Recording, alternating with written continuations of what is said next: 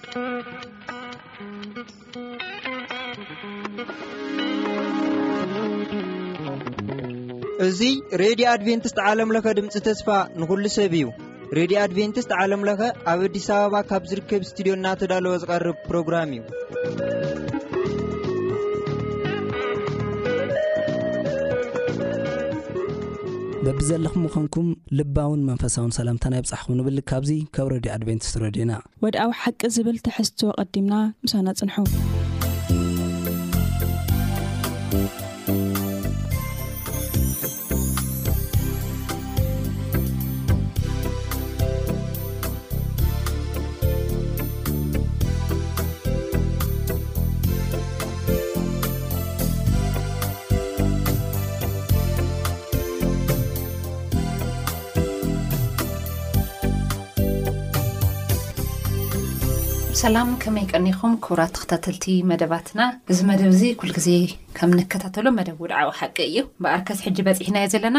ዓሰርተ ክልተ ክፋል እዩ እዚ መደብ እዚ ሒዝናልኩም ዝቐረብና ሕጂ ምስ ሓፍተይ እስከዳር ኣሸናፊ ኣነ ሳሌም ነጋሲ እየ ቅድሚ ናብቲ መደብ ምእታውና ከኣኒ እቲ መደብ ጸሎት ክትጅምረልና እያ እግዚኣብሔር ኣቦና ነመስግነካ እግዚኣብሔር ኣምላኽ ስለዚ ግዜ ስለዚ ሰዓት እግዚኣብሔር ኣቦ ሕዚ እውን እንመያየጠሉ ርእሲ ስለ ዝሃብካና ነመስግነካ እግዚኣብሔር ኣቦ ኣብዚ እንመያየጦ ርእሲ ኩሉ እስኻ ክትከብር ናይካ ስራሕ ክንናገር እግዚኣብሔር ኣምላኽ ንነፍሳት እውን ዝተርፍሉ መንገዲ ክኸውን ንሕና ንጽሊ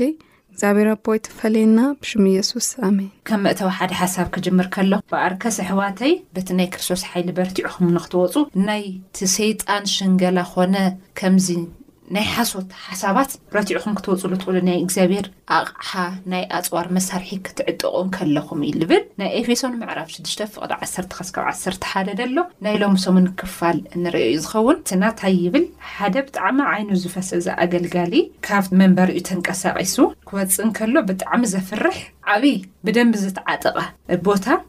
ሰረገልኡ ሒዙ ይሪኦ። ሽዑ እንታይ ይብል? ንነብዪ ኤልሳዕ ጸዊዑ እናፈርሐ እንታይ ኢና ክንገብር ክብሎ ከሎ ኤልሳዕ እንታይ ኢሉ መሊሱሉ? ኣይትፍራሕ ካብቲ ምስኡ ዘሎ እቲ ምሳና ዘሎ ይበልጽ ኢሉ ክምልሰሉ ከሎ ንርኢ። ብኸመይ እዩ ኣረዲእዎ? ን እግዚኣብሔር መንፈስ ከም ዝተኣዘዞ ሽዑ ንርኢ። ነቲ ሰብ ከርእዮ ከሎ እቲ ብዙሓት መላእኽቲ ካብቲ ምስኡ ዘሎ ሓይሊ ልበልጽ ልሓዙ ከም ዘለዉ ዕጡቓት ከም ደለዉ ብዝንውይኑ ብዝንውይኑ ምስ ኤልሳእ ዘለዉ ብዙሓት ምስኡ ዘለዉ ብዙሓት ከም ድኾኑ ኣርእይዎ። ሽዑ እቲ ሰብኣይ እንታይ ኮይኑ ይብል ከም ዝተረጋግዐ ይነግረና። ኣብቲ ናይ ሎሚ ሰሙን ትምህርትና እቶም ጸሓፍቲ ናይዚ ሎሚ ሰሙን ዘቕረብዎ ሓሳባት ንምንታይ እዮም እዚ ታሪክ እዚ ኣቕሪቦሞ ልብል ሓሳብ እንተድኣ ኣቕሪብኩም እንታይ ይብሉ ሰንበት ትምህርቲ ዓይነት ምላሽ ሂቦ። ኣንሕና ደው ክንብል ከለና ንሶም ዝሓዝዎ ኣጽዋራት፣ መሳርሒታት፣ ዘፍርሕ፣ ዘደንግጽ ክኸውን ይኽእል እዩ። እቲ ምሳና ዝወጽእ ከኣ ካብኡ ብላዕሊ እዩ። ኣንሕና ነቲ ኣምላኽ ሒዝና ክንወጽእ እንከለና ከኣ እቲ ምሳና ዘሎ ዓቢ ስለልኾነ እንዳረታዕና ከም ንነብር እዩ ኤልሳእ ነቲ ባርያ ወይ ደሞ ነቲ ብዕድመ ዝደፈአ ከፅናዕ ንዕዶል እዩ የመሓላልፍ ነይሩና ብኣርከስ ቅድሚ ናብዚ ምእታውና ግን ናብ ናይ ጦርነት ንግግር ዝብል ርእስቲ ሓቢርና ክንርኢ ኢና ኣብ ኢድኩም መፅሓፍ ቅዱስ እንተ ሃሊኩም ክብራት ሰማዕቲ መደባትና ኣብ ኤፌሶን ምዕራፍ 6 ፍቅዲ 1 ካብ ምእተው ኢና ንጥቀም ደለና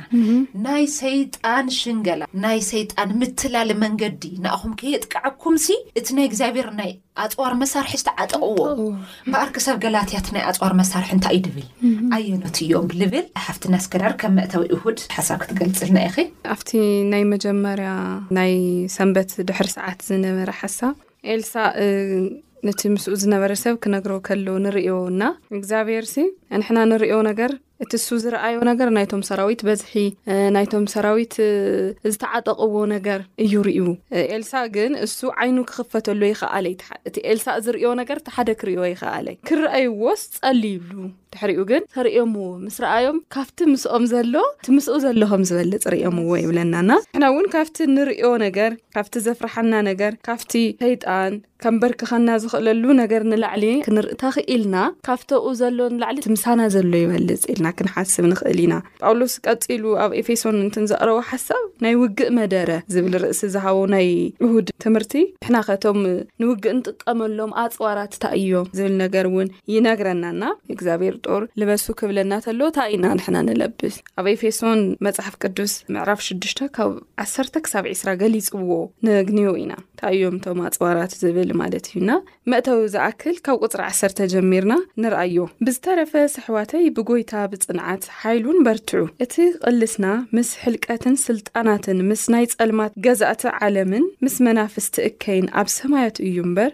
ምስ ስጋን ደምን ኣይኮነን እሞ ንፍሕሶ ሰይጣን ንምቋም ምእንቲ ክትኽእሉስ ኩሉ ኣጽዋር ኣምላኽ ልበሱ ይብለና ኣብ ቁጽሪ 11 ን 12ን ዘቕመጦ ሓሳብ ክንርኢ ከለና እንሕና ቓልስና እንታይ እዩ እቲ ውግእና እቲ ናይ ውግእ መደረ ከቕርበልና ከሎ ምስ መን እዩ ዝብል ነገር እውን ኣስተውዒልና ክንርእዮ ይግባእና ጳውሎስ ዝብለና ዘሎ ምስ መን ኢና ንሕና እቲ ውግእ እንገብሮ ምስ ስጋና ደም ኣይኮነን ካሌም ኣይኮነን ምስ ሰምበዲ ኣይኮነን እቲ ውግእና ምስ ስጋና ደም ዘለዎም ዘይኮነ ኣብ ኣየር ምስ እንርእዮም መናፍስ እቲ እዩ ዝብለና ጳውሎስ ብረት ኣይኮነን ዘድልየና መሳርሕታት ኣይኮኑን ዘድልዩና እቶም እግዚኣብሔር ዝሃበና ናይ ኣጽዋር ዓይነታት እዮም ዘድልዩና ንዓና ስለዚ በቲ እከይ መዓልቲ ምቅዋም ምእንቲ ክትኽእሉ ኩሉ ምስ ኣስለጥኩም እውን ደው ክትብሉስ ብዘሎ ኣጽዋር ኣምላኽ ኣልዕሉ እቶም ኣጽዋራት ኣልዕልዎም ክብለና ከዓ ንርኢ ጳውሎስ እግዚኣብሔር ንኣና ዝሃበና ነገር ክንዋጋእ ዲያብሎስ እውን ተቃወምዎ ካባኹም እውን ክርሕቕ እዩ ተባሂልና ካባና እነርሕቐሉ ንኽእል መንገዲ ኣፅዋር ኣይኮነን ንሕና እና ካባና እነርሕቐሉ ንኽእል መንገዲ እታ እዩ ኩል ግዜ ንሕና ምስ እግዚኣብሔር ንራኸብ ሰባት ምዃን ብጸሎት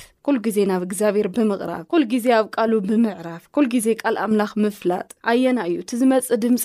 እቲ ብን ብሰበቢሉ ናባና ዝመፅእ ድምፂ እውን ንምፍላይ ምእንታ ክከኣለና ሲ ከምቲ ዝተብሃለ ምስጋና ደም ስለ ዘይኮነ እቲ ስራሕ እውን ረቂቕ ስለ ዝኾነ ንኡ እንቃወመሉ ነገር ኣፅዋራት ጸሎት ኩል ግዜ ኣብ እግዚኣብሔር ደሞ ምዕራፍ ኣብ እግዚኣብሔር ቃል ምዕራፍ እግዚኣብሔር ብዝግባእ ምፍላጥ ከሳስና እውን ምፍላጥ ከይንኽሰስ እውን ኩል ግዜ እነጥፍኦ ጥፍኣት እውን ክኾን ይኽእል እዩ ኣብ እንሰርሖ ስራሕ እውን ክኾን ይኽእል እዩ ምስ እግዚኣብሔር እንገብሮ ነገር ኩሉ ምስ እግዚኣብሔር ክኸውን ከሎ እቶም ዝተብሃሉ ኣፅዋራት ንላወሶም ኢና ኢለ የ ዝሓስብና ኣብ ናይ እሁድ ዘሎ ሓሳቡ ናይ ውግእ መደረ ውግእ ከም ዘለና ንሕና ከምቲ ክርስቶስ ኣብ ምድሪ እናሃለወ ዝነበሩ ዓይነት እብን ክርስቶስ እንኳን ምንም ከየጥፈ እዩ እቲ ነይሩ እቲ ውግኡ ንሕና ግን ምስኡ እንዋግአሉ በሪ ምስ እንኸፍተሉ እዩ ዝኾንና ሃመይ እውን ክንዋጋእ ከም ዘለና ጳውሎስ ይነግረና። እንታይ ይብል ኣብ መጨረሻ ኣብዚ ናይ ውግእ መደረብ ብዝብል ብዘልዕለ እቲ ሓሳብ ነዚ ኩሉ ውፅኢት ክንረክብ ንኽእል በቲ ናይ ሓይሊ ብዝህበና ብክርስቶስ ብንእመንን ብንድገፍን እዩ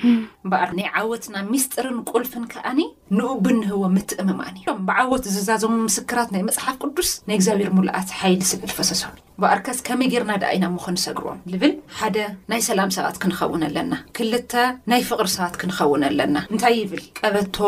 ጫማ ጋሻ እዚ ሰይፊ ይብሎ እንታይ ይብሎ እዚ ሰይፊ ክብሉ ከሎ ናይ እግዚኣብሔር ቃል ብይኹም ትረትዑ እቲ ናይ ሰይፊ ውሕደተ ብርእስና ክህልና እዩ ንቃለስ ብቃልዕ ጡቓት ክንኸውን ኣይገብረናይ እሱ እንተዘይሃሊና ከዓ ንዓለም ኣይነሸንፋይ ብቲ ንሱ ዘዘጋጀየልና መሰናድኢ ቦታታት ኸይድና ረጊፅና ኢና ዓወት ንረክብ። ዓወት ንሱ ኸዓ እታ ኻብኡ ልተለኣኸት መንገዲ ኽንጥቀም ከለና እዩ። ካሊእ ዓወት ከምደየለ ይነግረና። ናይ ኮሎክሚደል እቲ ናይ ውግእ መደረና ፈሊጥና ኽንፈልጦ ኣለና። ናይ ሰላም፣ ናይ ለህዋት፣ ናይ ገርህታት፣ ናይ ፍቕሪ፣ ናይ ይቕረ በሃልቲ፣ ናይ ምርድዳእ መንፈስ ሒዝና ኢና ንዓለም ንረትዖ። ትሕትና እያ። ስለዚ ትሕት ንበል ኣሕዋት፣ እዚ ንተዓጠቆ ናይ እግዚኣብሔር ቃል ንተዓጠቅ፣ ፍቅሪ ንተዓጠቅ፣ እዚ ብዝንኸውን እንታይ ክንገብር ንኽእል ኢና እቲ ናይ ውግእ መደረ ፈሊና ክንፈልጦ። እቶም ዘልዐልክዮም ሓሳባት ኩሎም እቲ መእሰሪ ፍቅሪ እዩ ከምቲ ዝበልክዮ ንሕና ደሞ ክርስትያናት እዚ እነሸንፈሉ እንኽእል ነገር እግዚኣብሔር ኩሉ ልተጠየቆ ጥያቄ ከም ሰብ እዩ ተፈቲኑ ኣብቲ ዝፍተነሉ ሰዓት ይዛረቦ ዝነበረ እሱ ተዓጢቕዎ ዝነበረ ነገር ክንርኢ ተለና ንሕድሕድ ሕቶ ናይ ሰይጣን ተጻሒፉ እዩ ክብል ከሎ ንርእዮ ምክንያቱ እንታይ እዩ ንሕና እውን ከም ክርስትያናት እንጥየቆ ዓለም ዘቕርበልና ነገር ብዙሕ እዩ ጽቡቕ ዝመስል ግን ውሽጡ ካሊእ ዘለዎ ነገር ግን ንሕና ቃል ኣምላኽ ምስ እንፈልጥ ምስ እግዚኣብሔር ዘለና ሪሌሽን ጥብቂ ምስ ዝኸውን ግን እዞም ነገራት ንሓልፉ እቲ ናይ ሶኒ ትምህርትና ኣብ ክርስቶስ ሓይሊ ምርካብ ዝብል ብኸመይ ኢና ካብ ክርስቶስ ሓይሊ ንረክብ? ሕዚ ሓደ ሓደ እንሰምዖም ነገራት እኒሄው ይኽእል እየ ገብሮ እየ እሱ ጽቡቕ ኮይኑ ንሃለየ ግን ንሕና በይና ምንም ክንገብር ኣይንኽእልን ምንም ነገር ክነሳኽዕ እውን ኣይንኽእልን ክንሰርሕ እውን ኣይንኽእልን ሓይሊ ዝህበና ብክርስቶስ ብዚ መንገዲ ሓይሊ ንረክብ ኢና ኢለ ይኣምን ኣብስታ ይብል ብዙሓት ሰባት ብውርሲ ዝርከብ ይመስሎም ግን ውህብቶ እዩ ክነስታውሶ ዝግበአና ብዙሕ ነገር እዩ ክርስቶስ ከዓ ንኩለና ብቑዕ እዩ በኣርከስታ ይብሎ እዚ ጦርነት ብብርቱዕ ዝኾነ ካብ ሞት ተምልጥሉ ትኽእሉ ብምንታይ መገዲ እዩ? በቲ ንሞት ዝረታዕና ኣካል እዩ። ከይትርስዕዎ። ክቐትል ከጥፍእ ዝመጽእ ጸላኢኹም ከም ዘይርህርሀልኩም ከይትርስዕዎ። ሓዚኑ ከይመስለኩም ኣመሳስል ኣቢሉ ቃል ኣምላኽ ለምጸልኩም ደሎ ክትጠፍኡ ስለ ዝደለየ እዩ። እምበኣርከስ ብምስትውዓል እንታይ ግበርዎ ነቲ ዘሎ ፈተና ጦርነት ተሻገሩ። ምክንያቱ ካብ ትማሊ ኣትሒዙ እንዳሸነፈ ስለ ልመጸ ብኡ ስለ ተሸንፉ እዩ። ምስ ጠንካራታት ሰባት እኮ ተራ ፈተና እኮ ይኮን ይልፍተኑ ወከም ክርስቶስ እንታይ ደኣ ፍርቆም ፍሉሕ ዘይቲ እዮም ተጠቕጢቕም ፍርቆም ቆርበቶምኒ ተቐንጢጡ እስካብቲ ሽዑ ሰዓት ግን ኣሳጊሮም መንግስቲ ኣምላኽ እዮም ሪኦም ዘውዚ ዘሎ ረሳሕ ናይ ሮም መንግስታት እዩ ኮይኑ ሪኦም ዓለም ኣቑሎጭልጭ ኣቢላ ተርእየና ባይዘወይ ንኩለን ሓደ ዓይነት ፈተና ይኮና ይንፍተን ንሓደ ኣቸግር እስካብ ዝኹሕዱ ይፍትንዎ ኣብዛ ቀይሕ ባሕሪ ተሳጊሮም ህዝቢ እስራኤል ተስታውሱ ዶ ሰማዕትና ዮርዳኖስ ባሕር ምስ ወጽሕኻ ኣዚኣኸ ክንሳገራ ዲና ኢሎም እግዚኣብሔር እኮ እዩ የሳግር እሞ ተሸኒፉ ኋይናት ኣብ ምድሪ ንዘለዉ ሓይላት እና ኣነ ንስኹም ንብኡ ኢና ዓወት ንረክብ በርትዑ ሕጂ እውን ትሰልፈኛ ኣሎ እዩ ኣይተተኸሰን ንስኹም እውን ተሰለፉ ስራሕ ናይ እግዚኣብሔር ስራሕ ክንሰርሕ ነጢቕና ከንወፅእ ሓይሊ ናይ ኣምላኽ ክንርድኦ ከለና እዩ ኣብ ናይ ሮሜ ምዕራፍ 13 ካብ 11 14 ኸይና ክንርኢ ከለና ነቲ ናይ ሮም ወታደር እንዳርኤ እዩ ፅሒፍዎ እንታይ ደብዳቤ የካቲትሎም እወ ኣብቲ ናይ ሰሉስ መልእኽቲ እቲ ዓብዪ ተጋድሎ ኣብ ደብዳቤታት ጳውሎስ ይብል ኣብ ሮሜ ቀዳማይ ተሰሎንቄ እና ካልኣይ ቆሮንጦስ ዘቕመጦ መልእኽቲ እዞም መልእኽትታት እዚኦሙ ምስቲ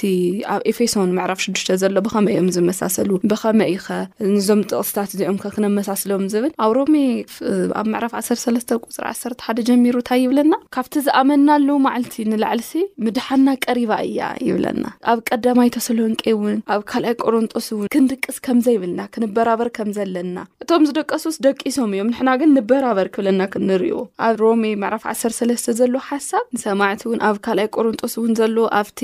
ኣብ ተሰሎንቄ እውን ዘሎ ሓሳብ ሰለስቲኦም ጳውሎስ እዚኦም ነገራት እዚኦም ክፅሕፍ ከሎ ክንዘጋጀ ከምዘለና ነቲ ዓብዪ ተጋድሎ ክንድቅስ ከም ዘይብልና ኩል ግዜ ንቑሓት ኮይንና ማንም ጠጠው ዝበለ ዝመስሎስ ከይወድቕ ይጠንቀቕ ብለና መፅሓፍ ቅዱስና ከይንድቅስ ግዜ ኣለና ከምዚ እቕልል ኣቢልና ንሪእሉ ኣጋጣሚታት እውን ኣሎ ሓደ ሓደ ግዜ ነቲ ንዋግኦ ኣካልሲ እቕልል ኣቢልና እንርእየሉ ግዜታት ኣሎ ግን ቀሊል ኣይኮነ ከምቲ ቅድም ኢሉ ዝበልናዮ ናይ ዘመናት ልምዲ ዘለዎ ሕዚ ድማ ካብታ ዝደሓናላ መዓልቲ ንላዕሊስ እታ መዓልቲ ድሕነትናስ ቀሪባ እያ ይብለና ጳውሎስ ከይንዘናጋዕ እቲ ግዜ እውን ነዊሕ ከይመስለና ማለት ናትና ናይ መጨረሻ ዴስቲኔሽንና ሰማይ እዩ ንኡ ዘይኮና እውን ከይንቐሪ ኣብዚ ኣብቲ ሰንበት ትምህርትና ክገልጾ ከሎ ኣብዘን ጥቕስታት ጳውሎስ ንኣመንቲ ነቲ ወተሃደራዊ ኣብነታዊ ባህርያት ብምቕዳሕ ካብኡ ክምሃሩ ብማለት ነዚ ሞያታት ደጋጊሙ እዩ ዘልዕሉ እቲ ሰሉ ዩ ዝበልክዮ ካብቶም ወታደራት ናርኤ እዩ ፅሒፍዎ ሕድሕድ መእንታ ብዝርድኣና ቋንቋ ሰባት ስለ ዝኾንና ሰባት ብዝገብርዎ ነገር ክርድኣና ምእንታ ተባሂሉ ከም ዝተጽሓፈልና እውን የርእየናና ጳውሎስ ብዙሕ ኣገልግሎት ወንጌል ምስ ወታደራዊ ኣገልግሎት ብቕዓትን እዩ ዘመሳስሎ እቲ ልዕል ዝበለ ክርስቶስ ነቶም ገዛእትን ስልጣናትን ኣብ መስቀል ስዒርዎም ስለ ዝኾነ ይብለና ኣብ ቆላስያስ ምዕራፍ 2 ወደ 15 ዘላ ነገር ነንበባ እንታይ ይብለና ካብ ቁፅሪ ሽዱሽተ ጀሚሩ ብክርስቶስ ዝርከብ ምሉእ ህይወት እናረእየ ይመጽእ እሞ ነቶም ሕልቅነታትናን ስልጣናትናን ኣፅዋሮም ገፊፉ ብእኡ እናፈከረሎም ከዓ ብግልፂ ኣስተሕፈሮም ይብለ ከምቲ ቅድም ሰንበት ትምህርትና ኣብ መስቀል ከም ዝሰዓሮም ኢሉ ዝገለጾ ነቲ ዓብዪ ተጋድሎ ክርስቶስ ወፅኡ ኣብ መስቀል ስዒርዎም ብኡ ከም ተዛዘመ ንርእዮ ኢና ንሕና እንታይ ኢና ክንዛዝሞ ቀሊል ነገር ገርና እውን ክንርእዮ የብልናን ምናልባት ኣብቲ ዝመፅእ ዓለም ምንም ዓይነት ስልጣን እውን የብሉን ምንም ነገር እውን የብሉን ኣብታ ሕዚ እንነብረላ ዓለም ግን ስልጣን ዘለዎ እዩ ብኸመይ ከም ዝፍትነና እውን ከምቲ ዝበልናዮ ብጣዕሚ ንሕና ካብ ንሓስቦ ንላዕሊ ዝረቐቐ ንሕና ከምቲ ነቃሎ እውን ዝቐለለ ንሱ ነቲ ኣብ መንጎ ፅቡቕ እከይን ዘሎ ዓብዪ ውግእ ነዊሕ ዘበን ዝተኻየደ ኮስሞሳዊ ውግእ ኮይኑ ኣብ ዝተፈላለየ እዋናት ኣብ መንጎቶም ክልተ ተፋለምቲ ሰራዊት ብዝተኻየደ ኩናት ሕድሕዶም ናይቲ መወዳእታ ውግእ ተዓወትቲ ንምዃን እዮም ዝጋደሉ ዘለዉ። ምስኡ እውን ዝተተሓሓዘት ስለልኾነታ ናይ ረቡዕ ክፋል እዚ ናይ ዓብይ ቐልስስ ምስቲ ቀደም ኣብ ናይ ጦር ሜዳ ክወፁ ከለዉ መጀመርያ ታይ እዮም ዝኾኑ ከይዶም ቀደም ሓደ ብዛዕባ ናይ ጦርነት ልፀሓፎ እዩ እቶም ወታደራት ናፍቲ ፀላኢ ይቐርቡ ካብኡ እዚ ማለት ንቶም ፀላእቲ ክራኸቡ ክኸዱ ክኽእሉ ኣለዎም። ከጥቅዕሉ ዝኽእሉ ኣፅኒዖም ክሕዙ ክኽእሉ ኣለዎም። ሳልሳይ ከዓኒ ፀላኢ ክወቕዕሉ ዝኽእሉ ቦታ ተሒዞም ኣብኡ ክለዓሉ ክንቀሳቐሱ ከም ዘይብሎም ኦረዲ እቲ ቦታ ከመይ ንፀላኢ ክውቃዕ ከም ዘለዎ ስለ ዝፈለጥዎ ከምዚ ገይሮም እቲ ዓይነት እዚ መንገዲ ተጠቒሞም እቲ ጦር የሸንፉ ከም ዝነበሩ ይነግረና። ኦረደ ንሕና ኣብቲ ቅልስ ኣቲና ኢና። ሓደ እዚ ክንፈልጥ ክንኽእል ኣለና ናይቲ ቅልስ ተዋሳእቲ ኢና። ነቲ ጦር ክመርሖ ዝኽእል ክርስቶስ እዩ። ንሕና ኣብ ማእኸል ዘለና ክነሸንፋ ንኽእል ኣብ እግዚኣብሔር ዘለና ኣመለኻኽታ እንህቦ ቦታ እዩ። ካብኡ ክንምክት ንኽእል ብናይ እግዚኣብሔር ሓይሊ እዩ። እቲ ደብዳቤ ጽሒፉሎም እቲ ናይ ዓውዲ ቅልስ ከሸንፍሉ ዝኽእሉ ልክዕ ሰይጣን በዚኣ ክስራዕ እንከሎ ሓና ለውን ንፉዓት ክንኸውን ኣለና ክርስቶስ ኣብ ዘቕመጠና ኮይና ነቲ ናይ ዓለም ሓይለ ከነሸንፎ ክንኽእል ኣለና ምክንያቱ ኦረዲ ሓደ ግዜ ስለ ዝተሸነፈ ሰይጣን ብክርስቶስ ሓራ ስለ ለውጻና ሓደ ሰብ ነፍሲ ክተርፍ ድሌቱ ስለ ለይኮነ ምስ ከምኡ ክንጠፋእቲ ክንኸውን እዩ ድሌቱ ስለዚ ክንኸውን ኣለና ንሕና ኣቋምና ከነጽንዕ ክንኽእል ኣለና ጠንካራታት ጠንክሩ ይመጽእ እየ ደለኹ እቲ ናይ ሰላም ባንዴራ ተናገሩ እስካብ ዝመጽእ ቀሪበ እየ እኮ ሰላም ባንዴራ ነውለውሉ ንርእዮም ንዓለም ግን ካብቲ ቦታ ከይንጠፍእ ከይነምልጥ ተኸንኸውን የብልናይ ቦታና ንመን ከም ዝሃብናዮ ክንፈልጥ ኣለና ንክርስቶስ ዝሃብካዮ ቦታ ፈሊኻ ፍለጦ ሽዑ ፅባሕ ካብቶም ሰዓርቲ ብልዓል ክትኸውን ኢኻ ስለዚ ኣብ ምድሪ ብዙሓት ሰባት ኣፅዋር መሳርሒ ሒዝና ንቃለስ ይመስሎም ንሱ ኣይኮነይ ቤተ ክርስትያን ትሓስርን ትጠፍእ ደላ ዝትርጉም ዝለይ ምፍላጥ እዩ ኣፅዋር መሳርሒ ኢና መልሓስና ኣይኮነይ ሰነፍ ልኾነ ልብና ይኮነይ እቲ ሰነፍ ልኾነ እገርና ላብ ርስሓት መንገዲ ኣጽዋር ምሽካምና ይኮነይ ትሕትናና ፍቅርና ሰላምና ለውሃትና ገርህነትና እዩ ልምንታይ ወጣት ብምሉ ዝኣክል ብሌለ ሌለ ተቀዚፉ ዘሎ ናይ ወጣት ቁም ነገር ስለ ልፍልጥ ብእዝንና ዝመጸና ብዒንትና ንርዮ ብእገርና ንረግጾ እንመላለሶ እንሕዞም እንዛሮም ዘበለ ብምክናት ብምልኡ ሂወት ን ሂወት ጥራሕ እዩ ክኸውን ደለዎ ካብ ካልኦት ሰባት ንቅበሎም እለ ንክርስቶስ ዘይሃንጽ ንክርስቶስ ዘይጠቅም ተኾይኑ ከኣ ንቅበሎ ተኾይኑ እታ ክንኸውን ኢና እዚ ናይ ዓቢ ቕልስ ኣሸነፍቲ ክንኸውን ኣይንኽእልን ስለዚ ፈሊና ውግእናን ቅልስናን ንፍለጦ ምስ ናይ ክፉእ ሓይልታት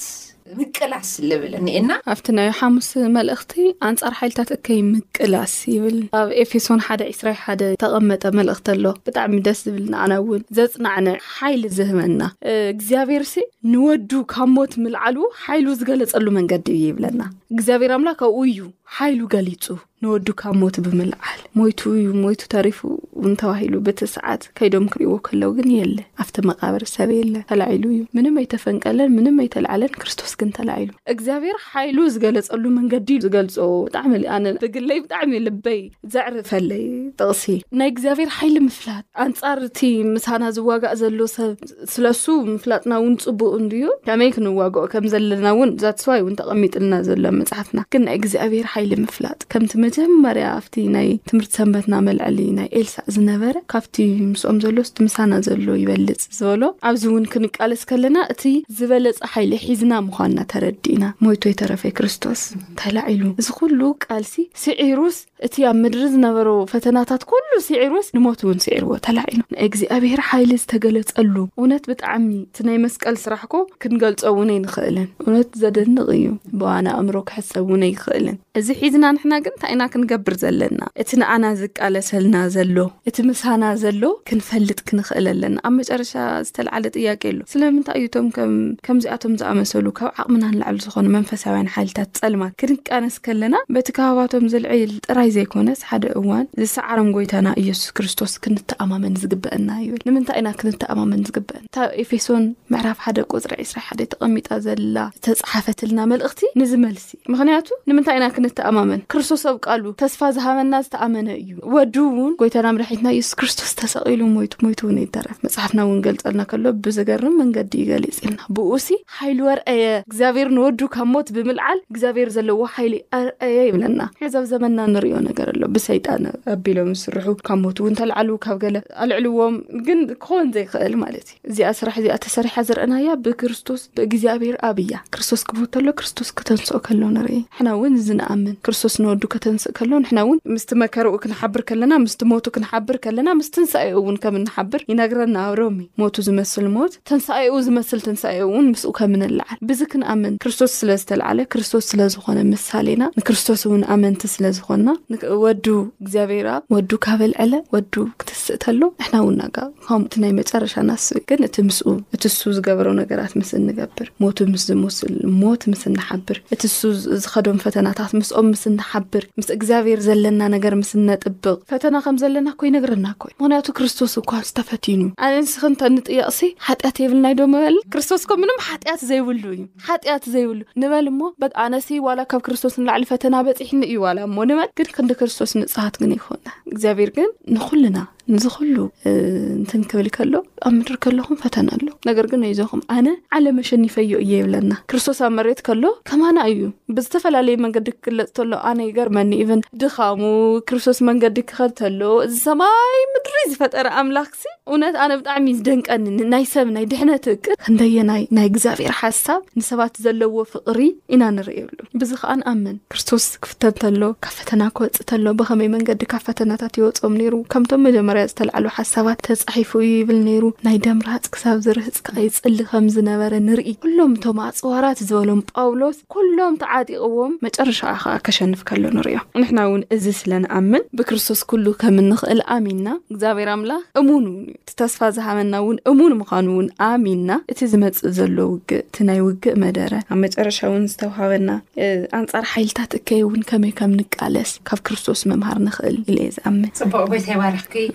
ብሎ መስልክሞ እዚ ኣጭበርባሪ ዝኾነ ጀነራል እዩ ኣብዚ ናብ ቁኑዕ ደይኮነ ዝወስድስ እቶም ምስኡ ዘለውስ ጠቅላላ ሒዝዎም ንምጥፋእ እዩ። ኻልእ ዕላማ የብሉይ እቲ ሓደ ቅኑዕ ጀነራል ጠንክሩ ባንዴራይ ሒዝኩም እንዳውለውለውኩም ፅንሑ ድበለ ግን ንናይ ዘልኣለም ሂወት እዩ ታይ ይብል ኣብዚ ደስ ልብልኒ ከመይ ኢና ኽንቃለስ ክትብሉ ኸለኹምስ ኣይዞኹም ሓይሉ ኽሰድድ እዩ ኣሜን ልክዕ ከምዚ ኣብ ጥሜቶም መና ኣብ ፀሓይ ሰዓት ደመና እስራኤላዊ ኣብ ቁሪ ሰዓት ሓዊ እንዳላእኸ ልመርሕ ኣምላኽ ብዚ ናይ ዓለም ሓይሊ ተዋሒጦም ከይቀርዩ ተጨፍሊቖም ከይቀርዩ ዝገበረ ኣምላኽ እዚ ረትዓ ኣምላኽ ይደለና እቲ ዝምሕጸነልና እቲ ማእኸላይ ሊቀ ካህንና እቲ መማለዲና ዝኾነ ኢየሱስ እንታይ ክገብር እዩ ኣብታ ቅጽበት ኣብታ ንሕና ከምዚኣ ጽንቅቕ ልበለ ጉልበት ድዩ ደለኩም ክርስቶስ ይርእዮ እዩ ደሎ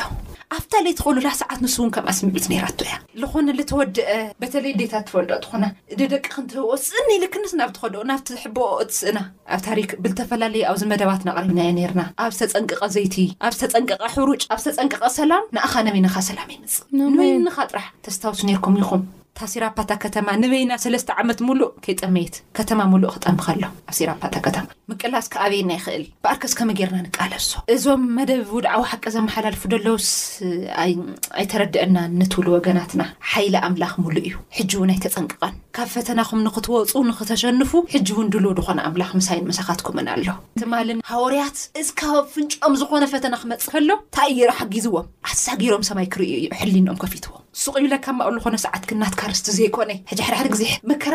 ብልዕ ይውዕለና እሞ ተመቺና ክንነብር ምድሪ ኢና ንልምኖ ንእግዚኣብሔር ልብ ድሌት ናይ እግዚኣብሔር ንሱ ኣይኮነ እዚ ዘልኣለማዊ እዚ ምድሪ እዚ ክንነብር እይተፈቐደልና ሞት ንወዲ ሰብ ኣይተፈቐደ ዘልኣለማዊ ህይወት ንኣና ተቖሪጹ ሃይውና ዘልኣለማዊ ህይወት ስለዚ ንሕና ናይ ዘለኣለም ህይወት ንምንባር እዩ ዝኩላይ ናይ ክርስቶስ ውድድር ምስ ካልእ ለይኮነሰ ንሕና ካብዚ ዓዘቕቲ ዓለም እዚ ነጻ ንምውጻእ እዩ ሰለዚ እዚ ከምዚ ጌርና ክነሸንፎ ድንክእል ናይ ስልጣን ሓይሊ ኩሉ ስልጣን ደለዎ ንሓይሊ ኩሉ ሓይሊ ናይ ግዝኣት ኩሉ ግዝኣት ተጸዊዑ እውን ሽሙ ዘይጽገብ ከም ቅብኣት ዝፈስ እኒኦ ለይ መዓር ከማን ይብለካ ንሱ ከእ ከም ዝኣኽለና ይነግረና። ኣነ ብዙሕ ግዜ ጠይቀ ነይረ ግን ኣብ ልኾነ እዋን ናይዞም ብከፊሉ ናይዞም ሃዋርያት ተረዲእኒ እግዚኣብሔር ሱቅ ይብል ክፍተኑ ከለዉ ኣቡኡ ከማን እግዚኣብሔር የሱስ ክፍተን እንከሎ እንታይ ገይሩ ሱቅ ኣይከውን ክትሓልፋ ኢኻ እዛ መከራ በቃ ክትፍተና ኢኻ እዚኣስ ናይ ግድን እያ ግን እንታይ ኮይኑ ከምዚኦም ዝበሉ ፈተናታት ከኣ ንኣየውድቁናይ እምዶም የለ ክደለኹ ኣብ ዓለም ክንገሩ ዘይኽእሉ ጽሑፋት እዮም ዝጽሓፉ እቲ ንጉስ እንታይ ድዩ ኢልዎ? ንስኻ ትኣክል ጳውሎስስ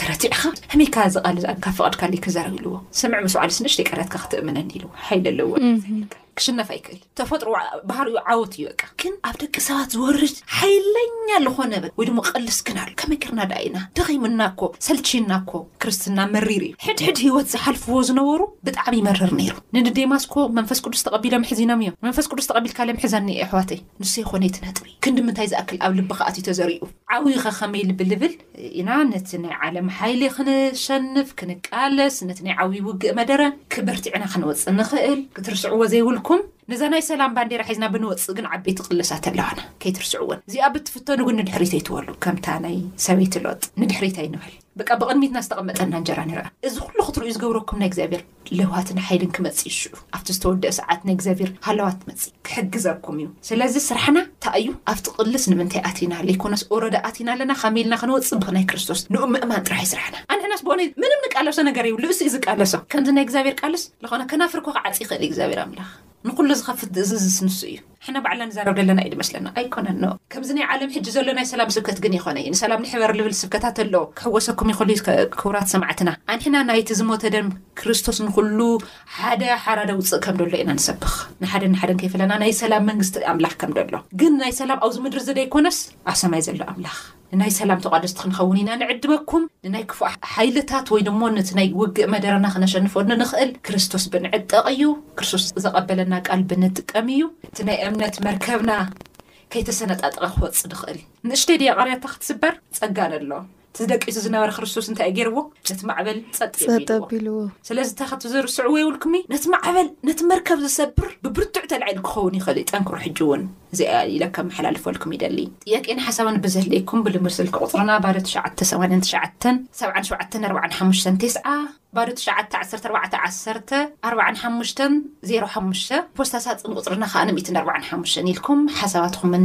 ኣስታይትኩምን ጥያቄኹምን ክትገልጹልና ትኽእሉ ኢኹም። ዝተፈላለየ ስራሕኹም ገዲፍኩም ንትሰምዑና ንዝጸናሕኩም ንዘይሰማዕኹምና ዘበልኩም ከኣ ንእግዚኣብሄር ኣዝዩ ይባርኽኩም። ጽል እስካብ ንራኸብ ሰናይ ቅነ ናይ መጨረሻ ጸሎት ሓቢርና ነመስግነካ። ካ ንሕና ሓጢኣተኛታት ክንነሱ ነገር ግን ቃልካ ከፊትና ክንመሃሃር እውን ስለ ዝፈቐድካልና ስለ ዘየንዓቕካና ኣህዛብና ክሰምዑ ስለ ዝፈቐድካ መንፈስካ ሕጂ እውን ካብ ምድሪ ስለ ዘይተፈለየ ነመስግነካ ካብ ናይ ሓሶትን ካብ ናይ ጥፍኣትን ትምህርትታት ስለ ትመርሐና ስለ ትመልሰና ስለ ትርእየና ከኣ ነመስግነካ እምበኣር ከዚ ዝተምሃርናዮ ከምቲ ዘርኣዩ ወጺኡ ክዘርእ ኣብቲ ሓደ ከም ዝውዒሉ ኣብቲ ሓደ ከም ዝውዒሉ ልክዕ ኣብ ሓደ ቦታ ጥራሕ'ዩ ትኽክል ወቒሉ እሞ ጎይታይ ካብቶም ኣብቲ ትኽክል ቦታ ዝወቐሎም ሰባት ኮይና ክንርከብ በቲ ሓደ ወድኻ ንምሕጸነካ ትኽእል ኢኻ ንሰማዕትና ከከም ኣድላይነቶም ናይ ህይወት መልሲ ክትኾን ንምሕጸነካ እቲ ዝዓበየ ህይወት እዩ እሞ ንስኻ ህይወት ክትኾነሎም ከኣ ንምሕጸነካ ስለሽ መሲልካ መኣድና ስለ ዝባረኽካልና ነመስግነካ ከም ፍቓድ ወድኻ ክተሳግረና ከኣ ንምሕጸነካ ኣይትፈለየና ስለሽ መሱስ